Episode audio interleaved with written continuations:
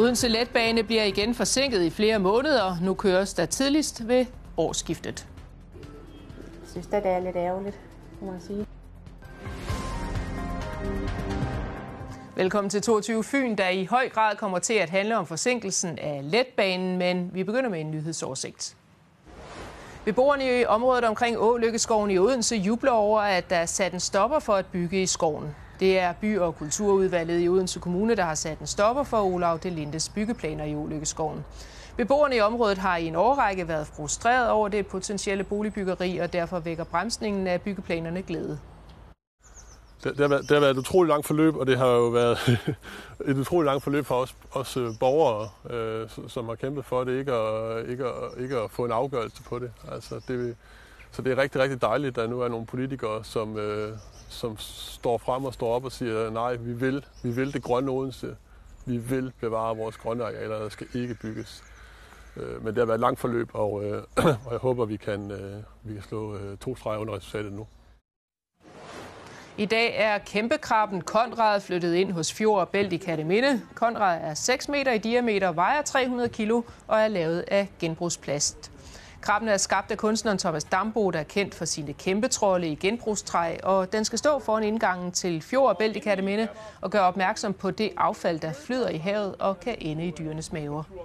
De små bitte dyr, som bliver spist af fisken, som bliver spist af de større fisk, som så bliver spist af eksempelvis sæler og marsvin, så bliver det op, øh, opkumuleret i deres øh, krop, og det kan være et kæmpe problem, fordi de ikke kan nedbryde det her plastik. Den kendte tv-vært Peter Ingemann vendte i dag tilbage til Snave for et bøde for, at han i et af sine programmer fra Fyn kørte gennem byen og dermed følte sig medskyldig i, at fem af Snaves ikoniske byskilte blev stjålet. Derfor satte Peter Ingemann sin gule hjelm og et underbær patronbælte på auktion til højst bydende for at hjælpe Snave.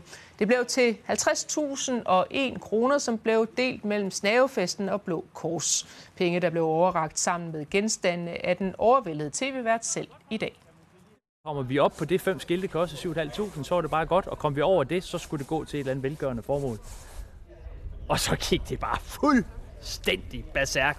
Og det var 5.000, det var 12.000, så blev det 24.000, og et minut i to, der var det 34.000, og så klokken to, så lå der så budet fra Michael på 50.000 og en krone. Altså, jeg havde fulgt med på aktionen, og havde også set den rundt omkring de 30, men, øh, men jeg havde ikke regnet med 50, at den kom op på. Det var øh, meget imponerende. Vi kan næsten ikke farme den ned.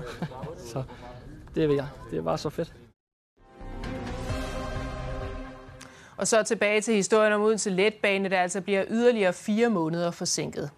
Den officielle åbningsdato var oprindeligt fastsat til slutningen af 2020, men i februar 2019 der med, blev det meddelt, at letbanen blev forsinket i 8 måneder til senest 1. september 2021, og årsagen det var altså et sammenfald med andre nærliggende byggerier. I november 2019 der blev der sat pris på forsinkelsen 180 millioner kroner ekstra, og det samlede budget var vokset til 3,579 milliarder kroner. 11. februar i år skriver Letbanens kommunikationschef til TV2 Fyn, at letbanen åbner i det sene efterår. Administrerende direktør Måns Halskær fastholder den planlagte åbningsdato 1. september i år. Og i dag der bliver åbningen af letbanen så alligevel udskudt nu til omkring årsskiftet, fordi entreprenøren ikke kan leve op til den aftalte tidsplan, angiveligt på grund af covid-19. Forsinkelsen af letbanen, det var en nedslående nyhed for de borgere, vi mødte på gaden i dag, og det gælder også en af de mange butiksejere i centrum, der må indse, at målstregen for letbanearbejdet er kommet længere væk. Her i malerforretningen Dyr, blot få meter fra letbanesporet, fylder arbejdet med letbanen meget hos butikkens kunder. Det er dem, der kommer ind og har svært ved at finde os og skal guides øh, rundt i byen øh, for, for faktisk at finde frem til, hvor vi er henne. Derfor faldt dagens nyhed om yderligere forsinkelse på letbanen ikke i god jord. Så er der sådan lige lidt et, synes jeg, lige et tilbageslag lidt, faktisk. Lidt træt. På gaden er borgerne mest af alt trætte af det rod og det støj, letbanearbejdet medfører.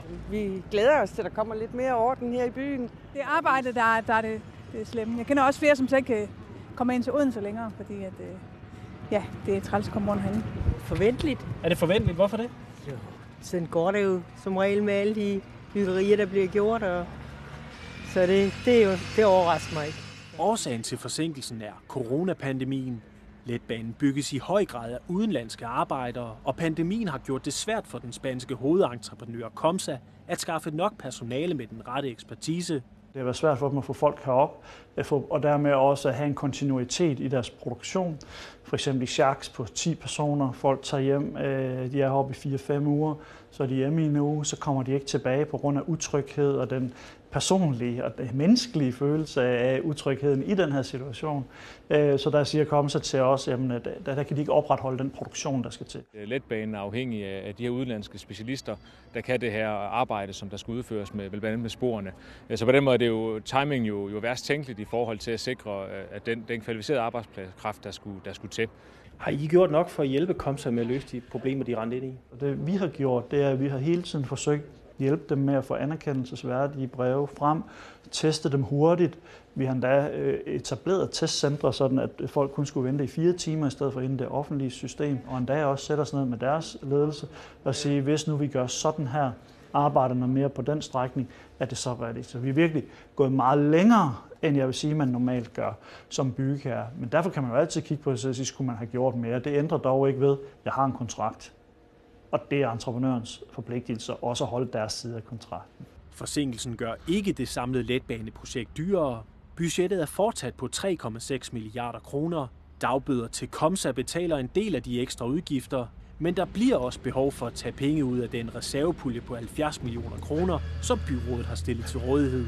Det er jo selvfølgelig en, en, en formidlende omstændighed, når nu ærgelsen over, at, øh, at letbanen bliver forsinket, at det er, at, øh, at de, øh, de penge, der er sat af samlet set til at bygge en letbane, at, at det, der har vi en lovning på, at det kommer ikke ud over det.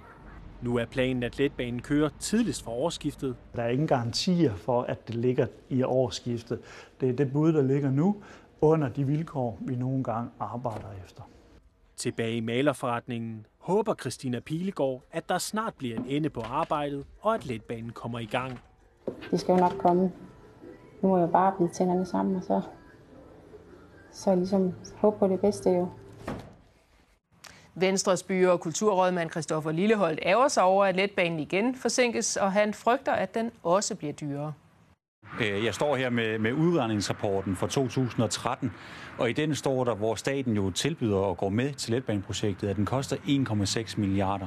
I går, der kostede den 3,6 milliarder, og i dag, det ved vi sådan set ikke, hvor det ender. Øhm, selvfølgelig betyder noget, tiden for, hvor lang tid, at, øh, at den, hvornår den begynder at køre, rigtig meget. Men det, der er jo allervigtigst, det er jo prisen. Og det må vi sige, at lige nu står vi jo sådan set i værkum, hvor vi ikke rigtig ved, hvad den ender med at koste, og det er jeg rigtig ærgerlig over. Fordi det her kan i sidste ende jo komme til at betyde, at vi skal ud og spare på andre områder i Odense, eller vi faktisk mister penge, som vi kunne bruge på noget andet. Christoffer Lillehold, vi hører jo, at øh, pengene kan tages af den buffer, der er afsat, så det er jo, der er jo ikke noget, der tyder på lige nu, at det bliver dyrere end det, øh, de penge, der er afsat inden for de 3,6 øh, milliarder. Ja, jeg må sige, at vi startede jo på 1,6 milliarder, og nu er vi på 3,6, og nu bliver den yderligere forsinket. Øh, og jeg begynder at være bange, fordi vi begynder at komme rigtig, rigtig tæt på de buffer og de reserver, der ligger øh, ekstraordinært, som man kan bruge af, hvis det bliver nødvendigt. Og nu begynder vi altså at komme rigtig, rigtig tæt på det. Øh, og det er jo ikke kun coronaens skyld, det er jo mange andre ting ved letbanen. Og det gør jo også, at jeg bliver lidt nervøs for, at, let, at flertallet absolut vil lave en letbane til Voldsmose. Jeg synes i den grad, at vi skal overveje, om det er nødvendigt, og det er tid til mere letbane i Odense, når vi har en, der er blevet forsinket og forsinket og forsinket, og derfor efter faktisk også er kommet til at koste næsten det dobbelte af, hvad vi startede med. TV2 Fyns samfundsredaktør Jakob Risbro mener, at letbanen allerede nu er blevet en del af kommunalvalgkampen. Altså det har helt klart den betydning, at øh, det vi også hører Kristoffer Lillehold sige her, det er, at det her øh, med letbanen til etape 2, det rykker endnu højere op på dagsordenen. Venstre øh, vil bruge den her forsinkelse for letbanen til etape 1 til at øh, fortælle og advare om, at man, øh, at man altså ikke skal stemme på de røde partier, fordi de vil lave letbanen til etape 2. Og vi kan jo nu se, at letbaner, det er jo sådan noget, der bliver forsinket, og måske bliver de også dyre, som Christoffer Lillehold også siger her. Øh, så det vil de selvfølgelig bruge. Det er en klar anledning øh, til det. Og Socialdemokraterne, de må da også gå rundt og ære sig, eller det gør de, jeg har talt med flere Socialdemokrater i dag, de ærer sig over, at den her letbane ikke bare kører.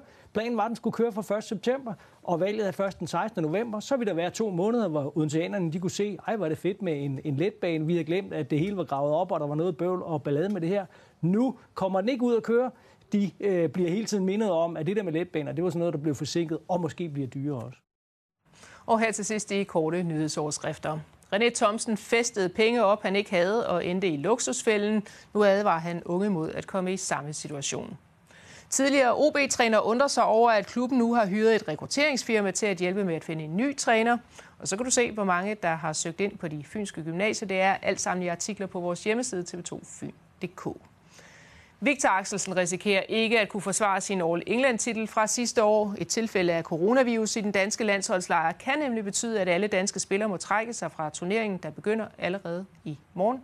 Sporten har seneste nyt om den situation. Det er lige om lidt. Gensyn.